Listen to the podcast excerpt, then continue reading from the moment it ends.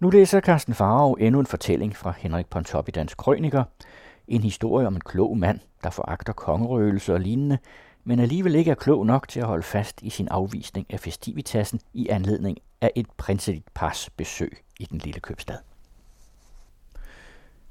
Det hente engang, lad mig sige, en gang i gamle dage, at en forstandig mand, der var på en vigtig forretningsrejse til den store Leipziger-messe, en aften ankom med postvognen til en lille by, hvor han skulle overnatte. Til hans store ærgelse viste det sig næsten umuligt at få logi. Med sin vadsæk i hånden måtte han gå fra gæstgivergård til gæstgivergård, indtil han endelig ved grove ord tiltvang sig besiddelsen af et elendigt lille kammer i det blå pigeøje, der var beliggende langt inde i en mørk smøge bag ved domkirken. Sagen var, at man den næste dag ventede en ung prins af blodet og hans gemal inde, der agtede at tilbringe sommeren på et lystslot der i nærheden. For hele omegnen var folk strømmet dertil for at se det høje par, når det på sin rejse kørte gennem byen. Den hele stad var i festdragt. På torvene var der rejst æreporte, for alle husene vejede flag. Ja, takket være den længe i betydningsfulde begivenhed, havde byens hovedgade endelig fået den nye brolægning, som befolkningen i mere end en menneskealder havde sukket efter. Det må nemlig stadig erindres, at det foregik i gamle dage, i hine uoplyste tider, der nu synes os at tilhøre menneskehedens barndom. Den fremmede rejsende, der, som udtrykkeligt bemærket, var en såre forstandig og derfor også fremskreden mand, blev grebet af en friborgen borgers harme, da han erfarede grunden til røvet i byen. Hvad hvilken latterlighed, sagde han til den gamle kældersvend, der havde fulgt ham op på kammeret for at tænde lyset på hans natbord. At tænke sig slidt i vort århundrede.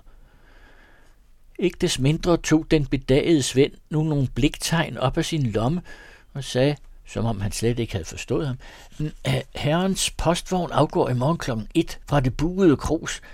Det høje herskabs ankomst er berammet til kl. 11. Herren har altså god tid til at se indtoget, før de tager afsted. Der bliv mig fra livet med det indtog. Tror han, monsieur, jeg lader mig imponere en smule for gyld karosse og et par skræmmererede lakajer. Men så snart han tav, tog det bedagede tyne lige uforstyrret til over. Ja, om herren skulle ønske en billet til den store tribune på torvet, så har jeg her endnu et par tilbage. De koster en rigsdaler stykket. Der er ikke andre opdrive i hele byen. Der har været en voldsom rift om dem i de sidste dage. Men nu var den fremmedes tålmodighed til ende. Vil han se, at han kommer afsted? Har man hørt mag? Herut, siger jeg. Sagt modig rystede den gamle på sit grå hoved og trissede afsted. Den næste morgen skinnede solen over den festsmykkede by, og den fremmede fik rig lejlighed til at arve sig, da han skred gennem de menneskemyldrende gader, hvor husene var behængte med girlander, våbenskjolde og kostbare tæpper. Flere steder stod folk allerede tålmodigt opstillet langs den vej, som den fyrstlige vogn skulle passere, og for alle gadehjørnerne skreg kællingerne med en i dagens anledning forfattet festsang. Særlig stund, der var noget i fyrsters gæstet. At tænke sig. I vore tider, blev han ved at mumle hen for sig. Intet oprørte ham dog mere end den glade selvtilfredshed, som dette målbogfolk bar til skue midt i sin nedværdigende trældom. Og i denne harme blandede der sig efterhånden en række bitre følelser af en mere personlig art. I det han så på disse enfoldige mennesker i deres kostbare silke- og fløjlsdragter og betragtede deres store butikker og prægtige privathuse, der tilsammen vidnede om en velstand, som han med sin veludviklede intelligens hidtil forgæves havde eftertragtet, påkom der ham, som så ofte før, en mørk og knugende følelse af, at en uværlig ond skæbne forfulgte alle friborgerne og fremskredende ånder her i verden – mens lykken alene var forbeholdt tosserne og de vindige narer. Bom, bommalum, trat, trommevirvler og messingmusik vagte ham op af disse bedre tanker. Han var nået hen til byens akseltorv, hvor en kæmpe tribune var rejst mellem fire vimpelbehængte mastetræer. Her skulle den egentlige modtagelse finde sted, men taler borgmesteren og sangpræstationer af kirkens kordreng. Den store plads var allerede sort af mennesker, og de omliggende huse var alle vinduer og altaner overfyldte af hvidklædte damer og børn. Men nu åbnede menneskemassen sig ud mod den sidegade, hvorfra hornmusikken lød. I Skarlagens røde uniformer, med alen høje lederjakoer og lilla pompon, marcherede borgerbevæbningen ind på pladsen, livlig hilst af den militært begejstrede befolkning. Senere ankom en afdeling højtidelige magistratsembedsmænd med skinnende kalvekrøs og pergamentsruller under armen. Efter dem fulgte en forening af gamle gemytlige krigere, der bar et erindringstegn på brystet og et andet i form af en violblå næse midt i ansigtet. Så kom der mere musik. Efter denne fulgte et langt tog af håndværkere med deres erhverdige lavsfaner, dernæst en skare nyklippede skolebørn og slutligt det populære brandkorps med byens sprøjter, spande og stiger, hvilket alt sammen skulle paraderes ved indtoget. Med hånden i siden og støttet til sin stok, havde den fremmede medynksfuldt betragtet dette optog fra det øverste trin af en stentrappe.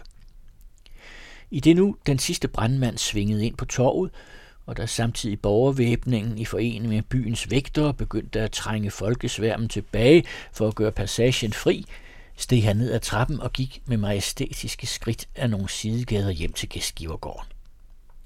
Han havde besluttet alligevel at skaffe sig en billet til den store tribune.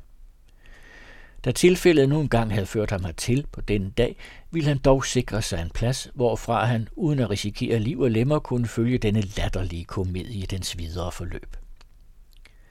Straks, da den gamle kældersvend fik øje på den fremmede, udbredte han endnu før denne selv havde ytret et ord, beklagende sine tynde arme og fortalte, at han for et øjeblik siden havde solgt den aller sidste billet til den store tribune.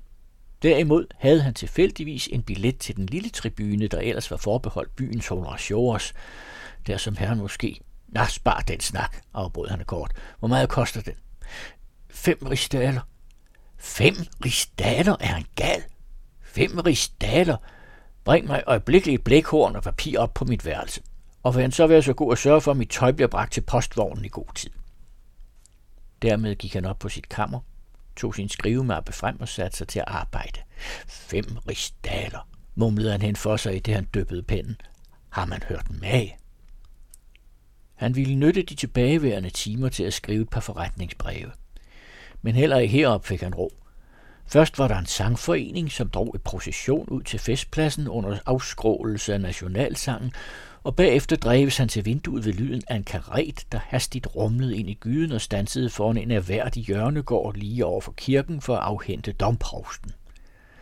I skinnende silkeornat og med kommandørkorset dinglende under pibekraven blev den gamle herrens tjener ved sin kapellans arm ledet gennem porten og løftet op i vognen, hvor han, fortumlet af øjeblikkets alvor, gav sig til at råbe, først på sin hat, som han havde på hovedet, derefter på sin snustobakdåse, som han havde puttet i sin lomme, og endelig på sin salmebog, som han virkelig havde glemt. I det samme dundrede det første kanonskud op for højderne bag ved byen og forkyndte, at den fyrstlige vogn var blevet synlig i det fjerne. Den overlegne mand gik hovedet rystende bort fra vinduet og satte sig atter til rette ved bordet for endelig at fuldføre sine breve. Men skønt ingen nu forstyrret, var det ham ikke muligt at holde sine tanker ved arbejdet. Han gned sin næse, han krassede sig i håret, men der kom ikke en stavelse på papiret. Til sidst smed han rasende pinden og gik ned i restaurationslokalerne. Alle vegne var der tomt, men også den gamle kældersvend var nu forsvundet, Endelig, inde i det allerinderste værelse, traf han en enlig mandsperson, der sad rolig ved et krus øl og drejede tommelfingrene om hinanden. Lykkelig over dog at træffe en retfærdig i dette indfoldighedens Sodoma, satte han sig hen ved siden af ham og indledte en samtale. Det er virkelig et ejendomligt optrin, man bliver vidne til i deres by, begyndte han. Man ved sandelig ikke, om man skal le eller græde. De gode folk har så travlt, som om de i det mindste galt deres særlighedssag. Men hvad siger de? Den tiltalte rystede langsomt på sit store vandkæmmede hoved. Ja, det må de nok sige, sagde han med en fed tunge, der hindrede ham i at tale rent. At folk dog aldrig kan blive klogere. Ja, det er ved Gud det sande ord.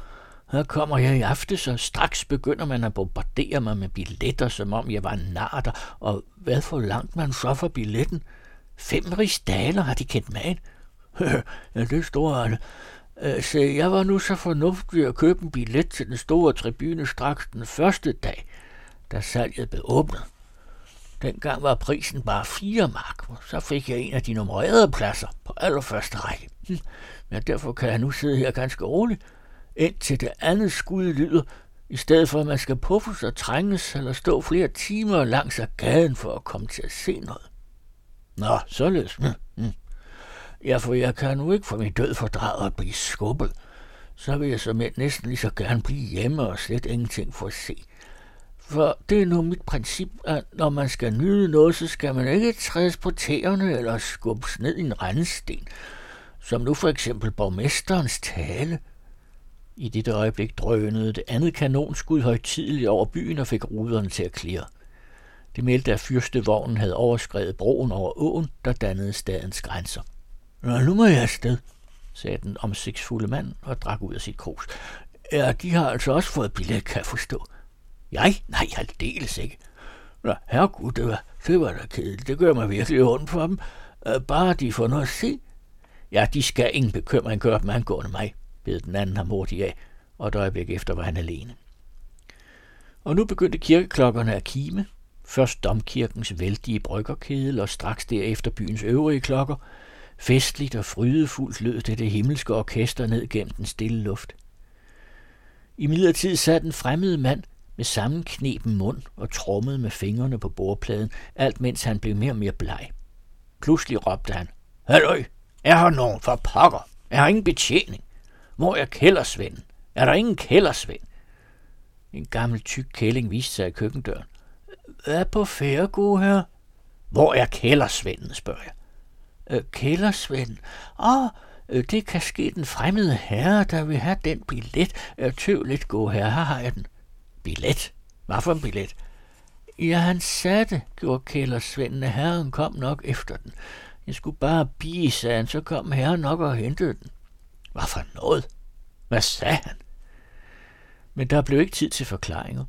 Det tredje skud havde allerede lyttet og efterfulgtes nu af en dundrende kanonade, der ganske overdøde klokkernes klimten. Han kastede en femdaler seddel på bordet og gik bort. Dog forhastede han sig ikke. Han konstaterede udtrykkeligt for sig selv, at han gik sin sædvanlige, rolige og afmålte gang, med den ene hånd i vestelommen og den anden bag sin ryg. Som han i tankerne sagde, han kom altid til nok til det gøjl. Der er noget i hovedgaden, hvor folkemasserne nu stod opstillet i alen brede mure langs begge fortov, fremviste han sin billet for at komme igennem afspærringen og nå hen til torvet. Men vægteren ville ikke lade ham slippe igennem. Det var for sille, sagde han. Gaden skulle være fri. Fyrstevognen var allerede kørt gennem den første æreport og kunne vente svært øjeblik. Jamen, jeg har jo billet, skreg manden ud af sig selv af raseri. De skal lade mig passere, når jeg har billet. Men vægteren ville intet høre. Han satte ham sin morgenstjerne for brystet og støttede ham uden videre ind i menneskesværmen. Her fik han ingen blidere modtagelse. Han blev puffet og knupset og trængt tilbage mod husrækken. Ti, virkelig kom endelig den fyrstlige karosse til syne for enden af gaden.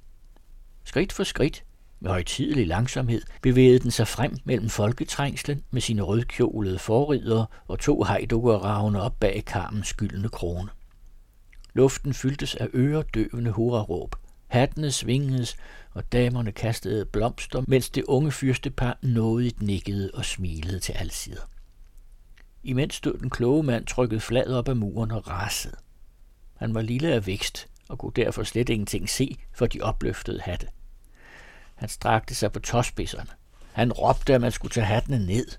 Ja, så fuldstændig tabte han til sidst besindelsen, at han er lutter forbitret iver for at komme til at se, greb med begge hænder om en nedløbsregne og løftede sig til værs.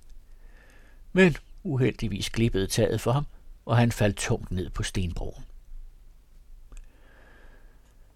Den næste dag lå han i det blå pigeøje med to knækkede ribben og en forstuet fod.